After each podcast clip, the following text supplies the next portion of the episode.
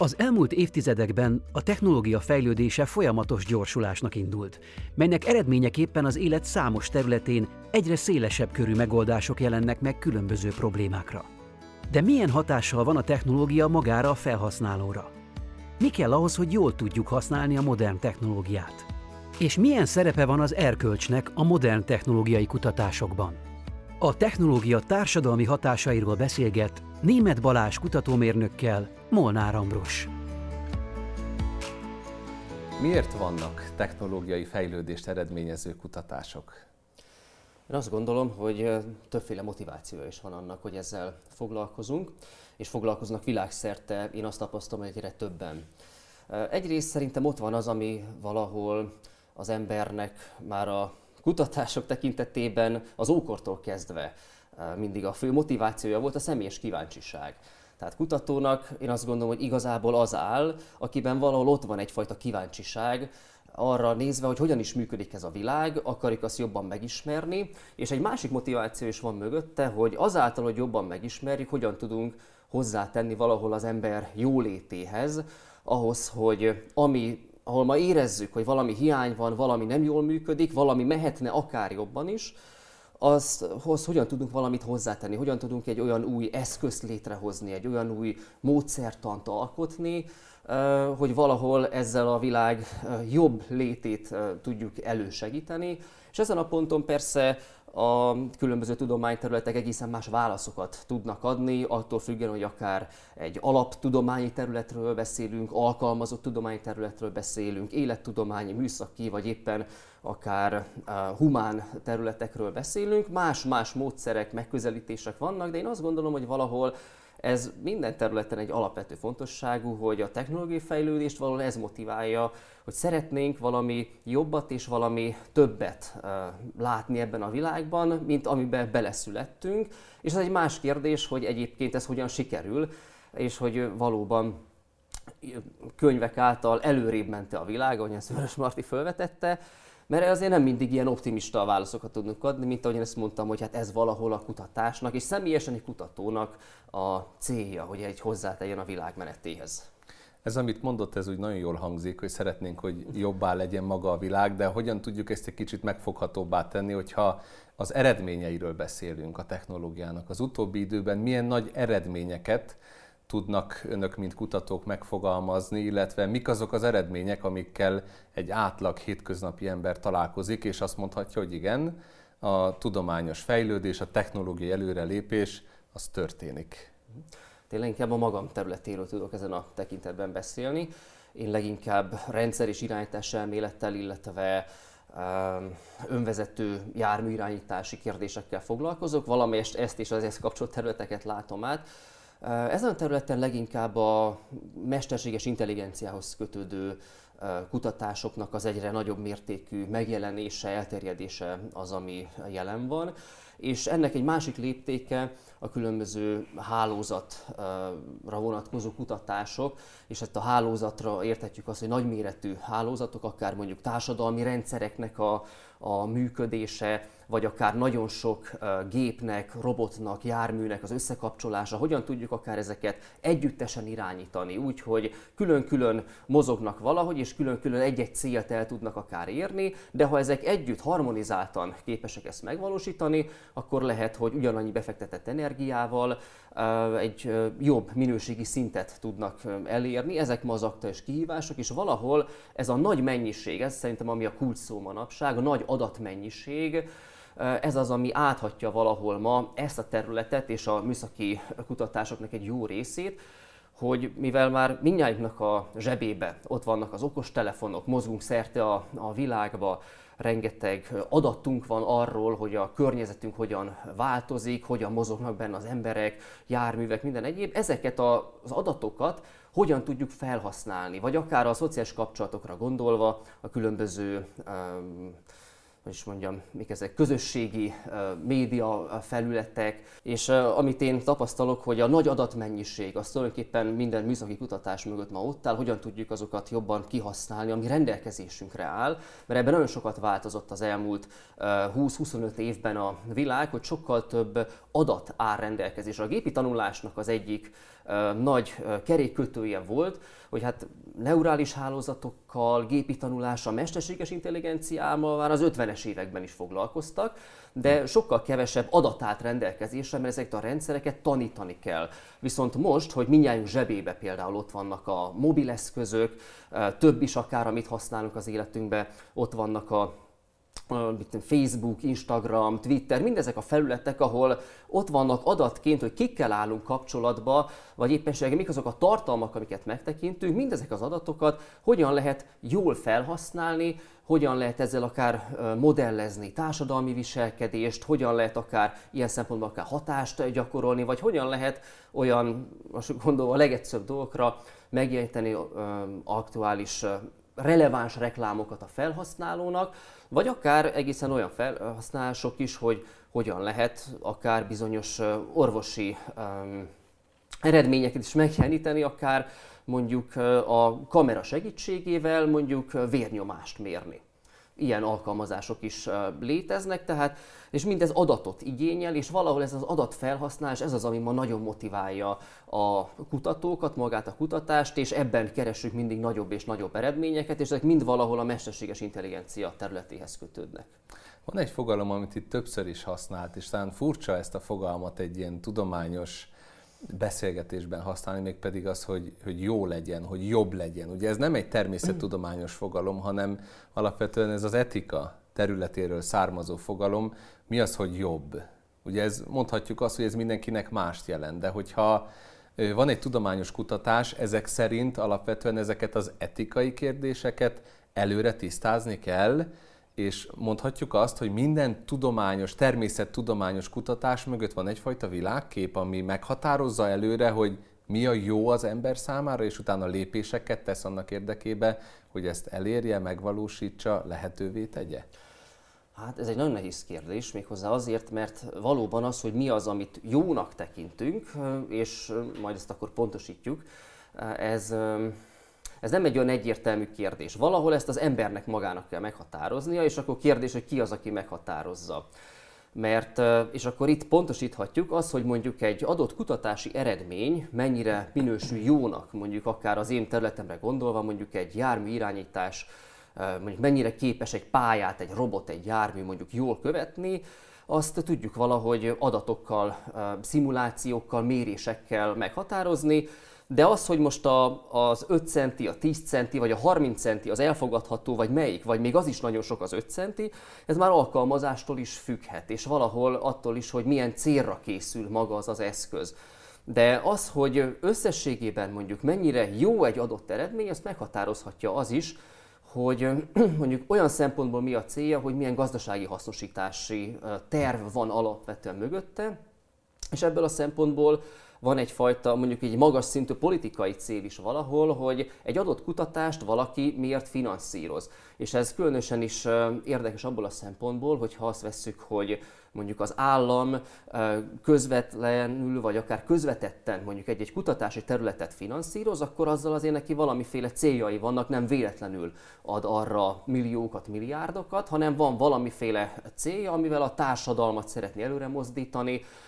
valamilyen segítséget nyújtani, akár például mondjuk például mozgásukban korlátozott embereknek például olyan mobileszközöket készíteni, amivel mondjuk ők könnyebben tudnak mozogni, vagy akár például olyan technológiai változásokat elősegíteni például az országban, amik várhatóan majd hozzájárulnak ahhoz, hogy versenyképes vállalkozások jöjjenek létre az országba. Ezek mind már ilyen magasabb fajta célok, és itt már nehezebb kicsit megmondani a kutató szemszögéből nézve, hogy mi is az, ami jó, mert leginkább a jó valami olyan, aminek aztán hatása lesz később, és ez nagyon nehéz visszamérni. Úgyhogy alapvetően azt mondanám, hogy valóban az, hogy mi az, ami jó, az egy ember által meghatározott fogalom, de nem mindig olyan egyértelmű ennek a, a mérőszáma, hogy mire tudjuk már azt mondani, hogy jó vagy nem jó. És hogyha etikai szinten közelítjük meg a kérdést, akkor valóban az itt a tudományterületek jobban szétválnak. A, amivel én foglalkozok, azok tényleg azok a műszaki rendszerek első körben a kutatási szinten kevésbé érintettek az emberi szereplők. Tehát nincsen olyan, mint mondjuk állatkísérletekbe, vagy akár mondjuk az orvostudományi területen, ahol akár emberi szövetekkel, vagy állati dolgokkal foglalkozunk, és annak van egy, egy bevett etikai módszertan, hogy ott hogyan kell eljárni a kutat, különböző kutatási fázisokban, mikor lehet egyikből a másikba átlépni. És a különböző folyaratok egyébként, ha a tudományos publikációkra gondolunk, akkor erről jellemzően nyilatkozatokat is várnak még tőlünk is, tehát a mi esetünkben könnyű, mert olyan adatokat nem használunk föl, amik ilyen forrásból származnak a, a mi műszaki irányítás elméleti területünkön jellemzően, de egy orvosi területen ott például sokkal inkább előfordulhat. Ilyen szempontból hogy mit tekintünk, mit tekintünk etikus eljárásnak, és abból a szempontból mi az, ami jó, ez megint egy másfajta megfogalmazásnak a kérdése. Úgyhogy az, hogy mi a, a jó, azt nagyon sokféle képpen meg lehet itt fogalmazni és ez tényleg az a tudományterületnek, ha nem is magának kell definiálni, mert a tudományból, a természettudományból, műszaki tudományból eredően műszaki fogalmakkal tudjuk megmondani mondjuk egy adott, nem tudom én, pontosság vonatkozásában, statisztikai leírással, hogy az jó vagy nem jó, de hogy az mennyire etikus, az már túlmutat valahol magán a tudományterületen az már az etikának, teológiának, filozófiának a, a területe, és itt én azt gondolom, hogy a különböző műszaki természettudományos területek más és másképpen, de rászorulhatnak arra, hogy ebből a forrásból tudjanak meríteni, mert az már nem a saját tudományterületből származik, az már nem egyenletek megoldásának a kérdése, az már nem méréseknek a kérdése, hanem ez már valami több, ez már egy emberi és humán szempont. Ez azért fontos talán így, így tisztázni, mert azért van egy olyan közmegegyezés, egy ilyen társadalmi közmegegyezés, ami nem feltétlenül jogos vagy igaz, hogy amikor a tudományról, természettudományról beszélünk, ott találunk valamilyen ideológiamentes közeget, ahova sem a vallásnak, sem a hitnek, sem a filozófiának, sem az erkölcsnek egyáltalán nincs keresni valója. De amikor arról beszélünk, hogy a technológiai fejlődésnek a célja mégis valamilyen módon az ember, vagy az emberi életnek a megváltoztatása, ennek a környezetnek, ennek a világnak a, az uralmunk alá vonása, vagy az uralmunknak a kiterjesztése, akkor itt már nagyon erőteljesen benne vagyunk abban, hogy attól függően, hogy az emberről mit mondunk, tegyük fel, hogy mondjuk egy, egy mozgáskorlátozott ember az egy értékes tagja a társadalomnak, vagy nem. Vagy egy olyan ember, aki igazából nem tud aktív fizikai munkát végezni, értékes tagja, vagy nem értékes. Tehát teszünk lépéseket annak érdekében, hogy az ő életét javítsuk, és fektetünk ebbe pénzt, vagy nem fektetünk. Tehát ezek már olyan előzetes döntések az emberrel kapcsolatban, ami bizonyos kutatásokat lehetővé tesznek, más helyről pedig talán elzárják a pénzt. És még egy példát hoznék ide, itt pont ebben az évben volt egy viszonylag széles érdeklődést megmozgató mozifilm, ami az atombombának a feltalálóját mutatta be, illetve azt a, azt a csapatot, amiben magyarok is ér, érintettek voltak, és ugye azt tudjuk mondani tudományos értelemben, szűken véve, hogy ez egy sikeres projekt volt. De ugye kérdés az, hogy önmagában ez a társadalom szempontjából jó volt, vagy, vagy nem volt ő. És én most itt nem a kutatókra Igen. gondolok, hanem amikor arról beszélünk, hogy jó vagy nem jó, vagy hogy a társadalomnak, vagy a technológiának milyen haszna van a társadalomban, akkor ott rendkívül fontos, hogy ezeket a, a kifolyásokat, vagy ezeket a, a hatásokat mi milyen szinten ö, határozzuk meg. Csak az a jó, ami nekem jó itt és most, csak az a jó, ami rövid távon jó, vagy csak az a jó, ami az egész emberiségnek jó lehet. Ezek nagyon különböző etikai irányok, és amikor természettudományos kutatással foglalkozik valaki, mennyire van tudatában ezeknek a kérdéseknek, illetve mennyire van tudatában annak, hogy az az eredmény, amit ő elér, annak mi lesz a társadalmi következménye, mennyire fog az építeni, vagy éppenséggel mennyire fog az pusztítani. Uh-huh. Uh, amikor még a a műegyetemen hallgattam előadásokat, most már a másik oldalon is lehetek, nekünk mindig azt súlykolták, és ebben nagyon nagy igazság van, hogy a mérnök gondolkozzon rendszer szemléletben. És ez a rendszer szemlélet, ez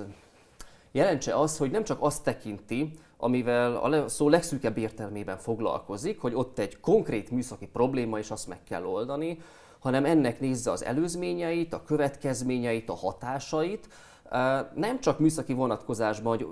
a legszűkebb persze, hogy van egy, egy termelési lánc, és annak egy részében nyúlunk bele, és annak az előtte, utána lévő részére is van hatása, hanem nézze ennek a nagyobb kontextusát, és akkor sokszor persze a gazdasági vonatkozásán megáll a, a dolog, hogy akkor ez eladható-e, vagy nem, vagy hogyan lehetne eladható, de még van egy külső réteg azon túl méghozzá valamiféle társadalmi hatása. Én azt gondolom, ez a rendszer szemlélet valahol a, a legtöbb, amit jelen kontextusban egy kutató meg tud tenni, de hozzá kell tenni, hogy a, a különböző kutatási és fejlesztési folyamatok azok rendkívül összetettek manapság, és éppen ezért egy-egy nagy problémának a megoldásán nem egy-két-három ember dolgozik, hanem sok száz ember. És tehát különböző a, országok. Hát igen, adott esetben különböző országokban, illetve hát konkurenciák is vannak, tehát uh-huh. hogy a világ sok különböző részén születnek olyan eredmények, amik lehet, hogy nagyon, most mondjam, részleteiben különböznek, de nagyon hasonló hatást fejtenek valahol ki, hasonló problémákat hasonló módon oldanak meg. És éppen ezért egyrészt igaz az, hogy az egészet rendszerbe kell látni, másfél pedig én magam is tudom kutatóként, hogy az ember, amikor benne van és végzi a maga feladatát, akkor jellemzően azért igen korlátozott a hatása, hogy, hogy azért mégis mi az, amit úgy igazán átlát, azt a szűk területet, ami neki érintettsége van, és ami tényleg az ő hatalmában áll, hogy azzal foglalkozzon, és ott valahol a maga kreativitását megmutassa, tényleg valami hasznos tevékenységet végezzen, örömöt is lejjen benne, most csak néhány aspektusra gondolva, azért az mégis elég korlátozott. Egyszer beszélgettünk a, a, a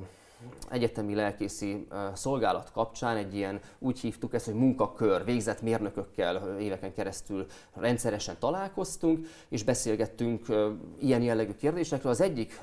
esetben pont ez volt, hogy valaki felvetette, aki egy multinál dolgozott, hogy igazából az nagyon jó, hogy nagyon szereti azzal, nem tudom, kis eszközzel foglalkozik egy adott járműre nézve, amit ő folyamatosan fejlesz, meg nem tudom, de hát igazából tudja, hogy hát annak az eredménye az, hogy azért sok 10-20-30 milliós autókba fog kerülni, és azt a leggazdagabbak fogják tudni mondjuk megvenni majd. Ilyen értelemben kicsit nem érzi úgy hasznosnak valahol az ő munkáját, mert tudja, hogy nem a, a, az emberek nagy részének a jólétéhez járul hozzá annak a szenzornak a fejlesztésével, csak egy ilyen szűk rétegnek. És arra beszélgettünk pont erről a kérdésről, és arra jutottunk, hogy pont ezért, mivel ilyen rendkívül összetettek a folyamatok, amit a kutató, fejlesztő, egyszeri mérnök, akár csak a, a maga területén a legtöbb, amit tenni tud, az az, hogy ott azon a ponton igyekszik jól helytállni, a maga feladatát tisztességesen, becsületesen és a saját lelkiismeretének megfelelően jól elvégezni, valamint, hogy senki, pont ezért, mivel senki sem egyedül dolgozik, hanem kapcsolatban áll másokkal, ezekben a kapcsolataiban igyekszik valahol megmutatni, és mivel ez egy keresztény közösség volt, megmutatni az ő Krisztus hitét, és azt, hogy ő ö, neki ki is az ő ura, és miért is igyekszik egyébként azon túl jól végezni a feladatát, tisztességesen elvégezni, hogy azt a munkáltató elvárja, hanem ez egy belső motiváció is, és ezt a kapcsolataiban is igyekszik valahol megélni, és sokszor van, hogy ez a legtöbb, amit tudunk tenni, hiába szeretnénk valahol az egészre, az egész folyamatra egyfajta hatást gyakorolni, egész egyszerűen nincs rá eszköztárunk. És én azt gondolom, hogy ha a rendszer szemléletet úgy tekintjük, hogy ebben az egész folyamatban valahol a, a műszaki fejlesztések azok egy blokkot foglalnak el, akkor annak az irányát nagyon erősen gazdasági és politikai döntések szabják meg. Mondjuk hogy a rendszerbe ez is benne van, hiszen a műszaki tudományok műszaki kérdésekkel foglalkoznak alapvetően, és sokféleképpen el lehet indulni, mint ahogy említette az atombombának a, a kérdését is hogy igen, azok a, a alapvetően alaptudományi kutatások, amik a 20. 19. század 20. század elején elindultak, a kvantumfizika irányában, és később ilyen alkalmazott kutatássá léptek elő, mind a haditechnikában, mind pedig aztán az atomenergetikában. Az, hogy ilyen irányba fejlődött, ez nem csak a kutatóknak valahol az érdeme vagy, vagy felelőssége, hanem valakinek emögé pénzt kellett tenni. Valakinek azt kellett mondania, hogy mi ezt fogjuk finanszírozni, ezt szeretnénk, hogyha ebbe az irányba indulnánk el, mert azért ezek költséges dolgok voltak, és a mai kutatások sem kevésbé erőforrás igényesek. Erre oktatási rendszereket kell felépíteni, hogy valaki értsen ahhoz a szakterülethez. Ezek mind nem olyanok, amik a műszaki területből önmagából következnek, hanem ezek már magasabb szintű, alatt esetben politikai, gazdasági szintű döntések. Úgyhogy a rendszert így, ilyen szempontból érdemes nézni, és a technológiát és a technológiai változásokat így, mint aminek mindig van valami kiváltó oka, és az nem mindig a, a műszaki embernek a személyes kíváncsisága, hanem van, hogy ezzel támogatnak egy-egy területeket, ami magasabb szinten dől el, hogy ebbe az irányba haladjunk.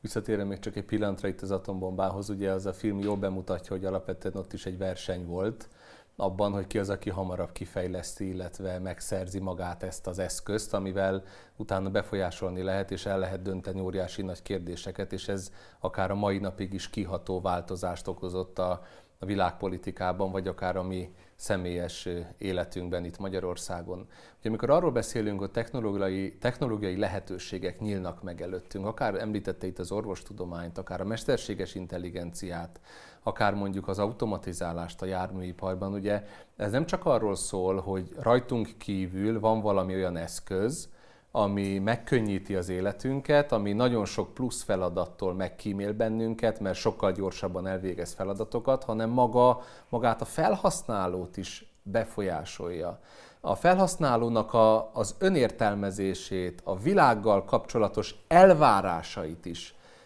módosítja mindez, ha csak arra gondolunk, hogyha valami, valamilyen eszköz, amit használunk, nem végzi el azonnal azt a feladatot, hanem mondjuk várni kell egy másodpercet, két másodpercet, öt másodpercet, ami a modern ember számára éveket jelent, a, régiek számára igazából értelmezhetetlenül rövid időszakok, akkor ugye itt már rögtön az agresszió, a düh, az értelmetlenség jön elő. A modern technológia fejlődése és az emberi lehetőségek kiterjedése hogyan változtatta meg az embert, aki használja magát a modern technológiát, mert amikor rendszerről beszélünk, akkor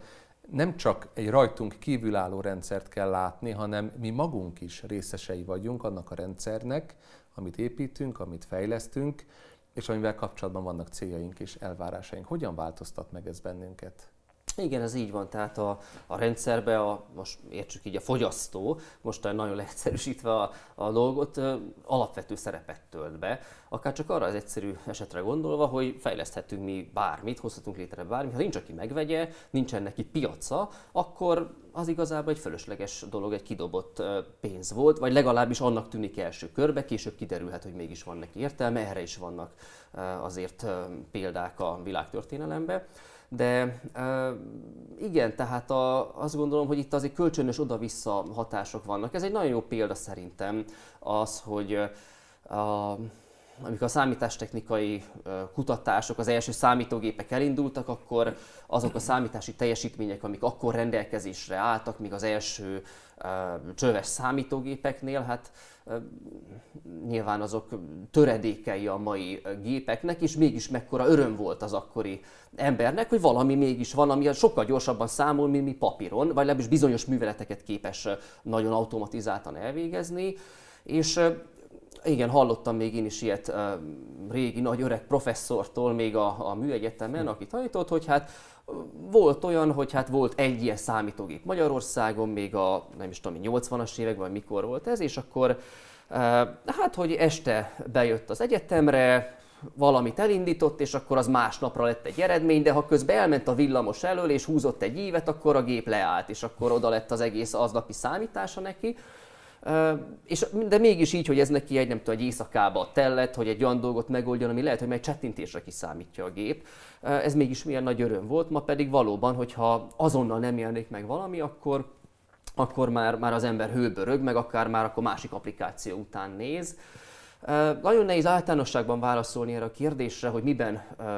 változtatott meg bennünket, de ezt valahol magunkon érezzük, én azt gondolom, az, hogy az időnk mennyire be van osztva, mert magunknak osztjuk be hogy mennyire, mennyire ingerlékenyebbek tudunk ebben lenni, akár a gyermekeinken érezzük, hogyha ők is okos eszközt használnak, és ki ebbe jobban partner és adja oda a telefont, meg a tabletet. Én például ebben jóval, hogy így mondjam, konzervatívabb vagyok, és mint például a felségemben nagyon limitáljuk a gyerekeknek mennyit lehet ebből, és itt főleg a felső limitet szabjuk elég alacsonyra. Pont azért, mert tapasztaljuk azt, hogy ha mit én mondjuk már a megengedett időnél mondjuk éppen megjön, hogy kicsit többet játszanak vele, akkor utána a viselkedésükön van, hogy érezzük azt, hogy akkor már este nehezebben aludnak el, alszanak el, vagy éppenséggel akkor ingerlékenyebbé válnak. Például mi ilyet tapasztalunk, ezt nem állítom, hogy mindenkinél így van, de mondjuk én azt gondolom, hogy valahol saját magunkon tapasztaljuk meg azt, hogy mennyi minden változott ebben a tekintetben mi bennünk a hozzáállásunk akár ahhoz, hogy hogyan kommunikálunk másokkal. Addig, amíg leveleket írtunk uh, kézzel, és ez nem volt olyan régen, az mennyiben másabb volt, mint ma a chat üzenetek, amik uh, egymondatosak, minél rövidebbek legyenek, ha már három sor, akkor már lehet, hogy el se olvasom. Hát ez, ez nem volt akár csak mondjuk 20-30 évvel ezelőtt, vagy, vagy sokkal kevésbé volt jellemző. Vagy akár azért nekem ez egy a szívfájdalmam, hogy nagyon sokszor, és én magam is belecsúszok ebbe a hibába, hogy én sem vagyok ez alól mentes, az e-maillel kapcsolatos most mondjam, kommunikációs szokásaink, hogyha írok valakinek egy e-mailt, akkor az minden további nélkül benne van a pakliban, én nem fogok választ kapni.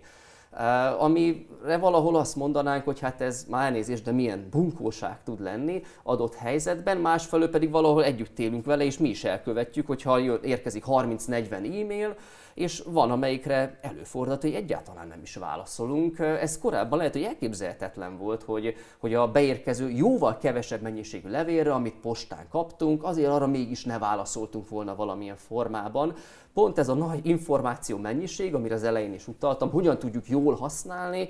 én azt gondolom, ennek van egy nagyon negatív hatása az emberre nézve, amit a bőrünkön tapasztalunk meg, hogy ami eláraszt bennünket, és nem tudunk, a, a mi felfogó képességünk nem tud ehhez nagyon sokszor alkalmazkodni valahol. Én azt érzem magamon sokszor például, hogy a, a lelki energiáim fogynak el valahogy, hogy ilyen uh-huh. nagyon kicsit megfoghatatlan fogalmat mondjak, de szerintem ez valahol mindenki számára ismerős, hogy még lehet, hogy tudnék válaszolni, de nekem már, már, már semmi erőm nincsen hozzá inkább majd holnap, vagy lehet, hogy el is marad. És ez, ez mennyire ott van, és ez lehet, hogy ez, nem tudom, nem értem 40-50 évvel ezelőtt, de én úgy sejtem, hogy ez azért nem volt ennyire erőteljes. És ez olyan, amivel ma kell megküzdenünk, és lehet, hogy a, a holnap még erőteljesebben, a holnapban még erőteljesebben kell majd megküzdenünk.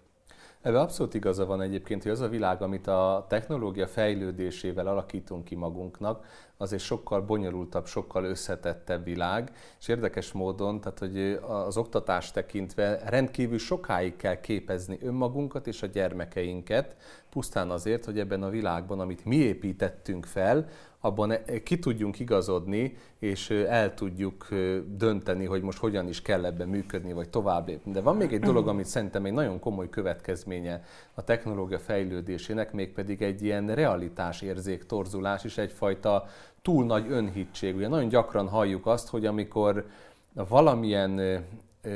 orvosi tragédia történik, akkor az emberek így zsigerből hangsúlyozzák, hogy na persze, ez azért van, mert nincs elég pénz az egészségügyben, mert nincsenek eléggé megfizetve az orvosok, mert hiányoznak az erőforrások, és lehet, hogy ez adott esetben még igaz is, de van egy olyan szemlélet az egész mögött, ami azt hangsúlyozza, lelkipásztorként, teológusként én ezt látom ebben, hogyha, hogyha elég pénzünk lenne, hogyha elég kutató ember, hogyha elég intelligencia, hogyha, hogyha elég emberi erőforrás állna rendelkezésre, akkor alapvetően minden feladatot, minden problémát meg tudnánk oldani, és ez a fajta gondolkodás és ez a fajta önhittség igazából nagyon közel áll ahhoz, amit a Bibliában olvasunk, ami a, a, igazából a Biblia legelején megjelenik, és a, a fő konfliktusunknak a forrása az, hogy az ember Isten akar lenni. És hozok egy nagyon emblematikus példát mindenre, a Bábel története a Bibliában, ami arról szól, hogy egy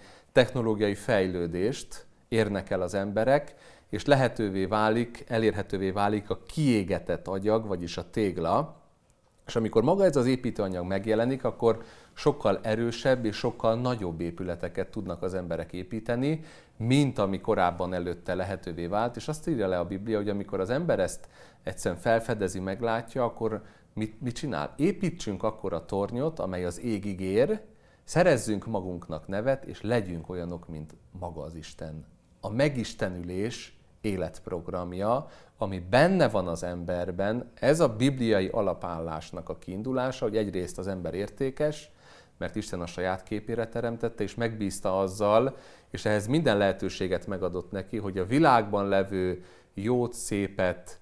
elrejtett dolgokat, azt aknázza ki, azt bontakoztassa ki, építsen városokat, kultúrákat, amely az Isten gondoskodását és szeretetét tükrözik, de az Istentől elszakadt ember, amely képes ezt a technológiát használni, ami az Istentől eredő lehetőség mind benne, mind a teremtett világban, alapvetően arra használja, hogy az ő megistenülésének, a világ uralma alá vonásának egy nagyon fontos eszköze legyen, és talán ennek egy emblematikus megmutatkozása az, hogy amikor arról beszélünk, hogy technológiai fejlődés és tudományos kutatás, akkor valahogy a haditechnika és a pusztító képességünknek a növelése az egy, az egy húzóágazat, nem csak mondjuk itt, Európában, vagy Észak-Amerikában, hanem a, világ minden részén, mert nem maradhatunk le abban a létező versenyben, amiben rajtunk kívülálló személyek is részt vesznek. Mit mond el ez az egész, akár a technológiáról, az emberről, vagy a technológia társadalmi előnyéről, hátrányáról? Igen, ezt a kérdést alapvetően nem mérnökként és kutatóként szoktam megközelíteni, hanem és ez a pontot ér lelkipásztorként és teológusként. Én azt gondolom, hogy ezen a ponton teljes mértékben igaz az, hogy a, a technológia, technológiai változások, és hogy arra, hogy hogyan tekintünk, ez sem mentes a bűn alól. Abban az értelemben értem ezt, hogy ahogy utalt is rá, hogy a, a Szentírás elején is miket olvasunk, és nem csak az elején, hanem ugye az egésznek a szellemiségét, a lényegét meghatározza az Istentől való elszakadásunk, amit tulajdonképpen a bűn fogalmával írhatunk le, az, hogy van egy hasadság valahol ebben a világban, azért, mert van egy hasadság a teremtett ember és a teremtő Isten között az elszakadás a bűneset által. Én azt gondolom, hogy ez egy olyan, ezt igazán komolyan vesszük, akkor valahol ennek a lenyomatait találjuk a világban, és akár konkrétan a saját területünkön, akár a műszaki változásokban, a technológiai eh, fejlődésben, nem azért, mert az rossz önmagába, hanem hogy azzal az kegyelmi állapot, ha van egy-egy pillanat, amikor jól tudunk élni vele, és nem azt tapasztaljuk, hogy egyszerűen fogalmazva Ádám és Éva óta egyre jobb lett a világ, mert most már egyre többet tudunk, és egyre előrébb vagyunk, egyre több eszközünk van, hanem néha pont, mint a fordítottját éreznénk, hogy jobb lenne, ha ez se lenne, az se lenne, amaz se lenne, kár, hogy ezt feltaláltuk, amaz feltaláltuk, nagyon leegyszerűsítve a dolgot, nyilván borzasztó összetett a történet, de én azt gondolom, hogy valahol azt az alapvető egzisztenciális problémát, hogy az ember Istentől elszakadt, ezt semmilyen technológiai változás nem fogja tudni áthidalni, és mondom ezt egyrészt, mint, mint lelkész és teológus, és mondom ezt úgy is, mint hogy valahol ez, ez mindig ott van ez a cél, hogy ez az előre többet, jobbat, a megistenülés fogalmával is meg lehet akár ezt valahol fogalmazni, még ha nem is ez az elsődleges cél, de valahol egy belső motiváció, valahol mégis egy kicsit ez benne van. Én ezt látom valahol, hogy ez is valahol a, a bűnnek a következménye, hogy, nagyon nehéz jót kihozni, és akkor itt már a jó megint egy más szinten, egy teológiai szinten, etikai, teológiai szinten jelenik meg. Nagyon nehéz jót kihozni a fejlődés által, vagy van, ami jónak tűnik, és később kiderül, hogy mégsem igazából jó. Mondok egy nagyon egyszerű példát az önvezető járművek területéről. Az önvezető jármű irányításról nagyon sok mindent várunk, és hogy ha akár a járművek, persze ez egy, nem egy egyszerű kérdés, de ha arra gondolunk csak egy egyszerű dologra, hogy mennyi dugóval találkozunk, és már nem kell ez Budapestre jönni, hanem kisebb városokban is a, egyszerűen a jármű forgalomnak a, a növekedése már ezt indukálja, hogy dugók vannak, és például, hogyha a járművek egy jó része önvezető lenne, és ezeket koordinálni tudnánk, olyan mozgást létrehozni, hogy ezek valamiféle harmóniában legyenek uh-huh. egymással, ehhez még a forgalomirányítást is hozzá tudnánk rakni, akkor esetleg ezeket a dugókat csökkenteni tudnánk. Ez egy jó cél. De tegyük hozzá azt is, hogy ez mivel jár, mert a széremnek van egy másik oldala, és itt jön az, hogy, hogy azért nincs ingyen kenyér ebben az értelemben, ezt mondjuk, hogy ez jó, valami jót elértünk, de ott van az, hogy Ez azzal fog járni, hogy az a, a járműnek minden adatáról mindent tudni fogunk, ez valahol esetleg össze fog futni, adatbiztonsági kérdéseket vet föl, kiberbiztonsági kérdéseket fog fölvetni, hogy mi van akkor, hogyha valaki ezt meg tudja támadni, ha van egy valamiféle központi rendszer, és nem az, hogy mindenki ül az autójába, azt nehezebb ilyen szempontból megtámadni, egy központi rendszert megtámadunk, akkor esetleg úgy tudjuk a járműveket irányítani, azok, azok balesetet okozzanak szándékosan például. De nem kell ennyire extrém példára gondolni, hanem gondoljunk egészen csak arra, hogy mit fog ez jelenteni, ha tegyük föl, hogy önvezető járművek lesznek, ahol mondjuk bárki beleülhet, és neki nem kell vezetnie. Ennek van egy nagyon jó, egy másik nagyon jó oldala, hogy akkor akár azt is lehet, hogy nem csak akinek jogosítványa van, és már legalább 17 éves, hogy csak ő fog tudni majd vezetni, hanem akár a be lehet ültetni a, most ad abszurdum a 10 éves gyereket is, és az autó elviszi majd az iskolába. Mondom, olyan hipotetikus az eset, de miért ne? Hiszen neki nem kell jogosítvány, mint egy privát busz tulajdonképpen. Vagy akár mondjuk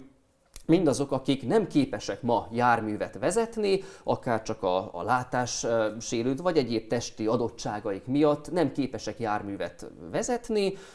be fognak tudni ülni, és elviszi őket az autó. De mit fog ez jelenteni? Az fogja jelenteni, hogy lesz egy adott esetben lehet egy olyan réteg, akik jelenleg nem részesei önálló jármű szintjén a közlekedési folyamatnak, de most már azok lesznek. Tehát azt várjuk, hogy gyorsul majd a közlekedési folyamat, kevesebb lesz a dugó, de lehet, hogy ez egy nagyobb forgalmat fog indukálni, tehát mégis uh-huh. van egyfajta visszahatás, és valahol szerintem ez az a fő probléma, amit valahol sehol nem tudunk lenyelni, hogy mindennek ára van, és az, hogy ára van, ez valahol, hogy nem összességében lehet, hogy egy-egy ponton javítunk, de összességében a rendszer, ha úgy tekintünk rá teológiai szemszögből nézve, hogy valahol a, a bűn lenyomata ott van ebben a világban, és annak minden folyamatában, akkor ez is erre a hiányra fog mutatni, hogy egy-egy ponton ki tudjuk emelni, hogy az jobban működik, de a rendszer összességében nem fog jól működni. Ugyanúgy problémákat, más helyen fog megjelenni a probléma, ahogy ezt mondják, ilyen waterbed effect, hogy lenyomom a vízágyat az egyik oldalt, akkor a másik oldalt föl fog jönni, és valahol ezt nem fogjuk tudni kikerülni. Tulajdonképpen, ha nem csak a Bibliának az elejére, a római levélre gondolunk, Pálapostól nagyon képszerűen ír erről, hogy a bűn hogyan terjed, terjed a világban, és valahol ennek mi a kifutása, és hogy ez egyre jobban szétterjedt a világban, ő is ugyanis megfogalmazza, és erre egyedül Jézus Krisztus az egyetlen megoldás. És azt gondolom ez az a pont, ahol a technológiai fejlődés ugyanúgy igaz, hogy nem, egy, nem fog nekünk egyenleteket megoldani, de pont az, hogy ezeket a kérdéseket, amik a mélyebb kérdések, amik a miértre, a célra vonatkoznak, és az ember nem tud rájuk jó válaszokat önmagában adni, itt a kutató arra szorul, hogy nagyon sokszor hitből döntsön. És ez a hit, ez lehet olyan, hogy vagy egy ilyen hiedelem, vagy pedig lehet egy keresztjén hit, ahol az Úr elé visszük, és ott lehet igen, hogy nem tudom, hogy mi a jó megoldás, nem látom át az egész rendszert, annyira komplex, annyira bonyolult, de valahogy dönteni kell, uram, könyörülj rajtam, és ezen a ponton mégis azért reménységgel lehetünk, hogy igen, folyik ez a világ valahogy, a technológia valahogy változik benne, és lehet, hogy nagyon sokszor rossz irányba változik, de mégis ura van ennek a világnak. Szerintem ez egy olyan biztos hit, ami valahol nem válaszolja meg azt, hogy most akkor erre vagy arra haladjunk, de valahol mégis egy reménységet ad a kutató, a mérnök, a fejlesztő számára, hogy, hogy az, azért mégsem minden rajtunk múlik, ura van ennek a világnak, és ebben megnyugodhatunk, még akkor is, ha, ha, ha mégis azt tapasztaljuk, hogy sok minden tönkre megy körülöttünk. Az, amit elmondott, az alapján egyértelműen látszik az, hogy amikor arról beszélünk, hogy természettudományos kérdés, a technológia fejlődés, az alapvetően arra a kérdése válaszol, hogy hogyan működik, vagy hogyan működhet ez hatékonyabban, hogyan lehet több embert bekapcsolni, de van egy másik fontos kérdés, ami talán megelőzi ezt a kérdést, és amire nem tud a tudományos természettudományos világ válaszolni, pedig az embernek szüksége van erre a válaszra, ez pedig, vagy erre a, igen, erre a kérdés adandó válaszra, ez pedig így hangzik, hogy mi az értelme, és mi a célja az emberi életnek.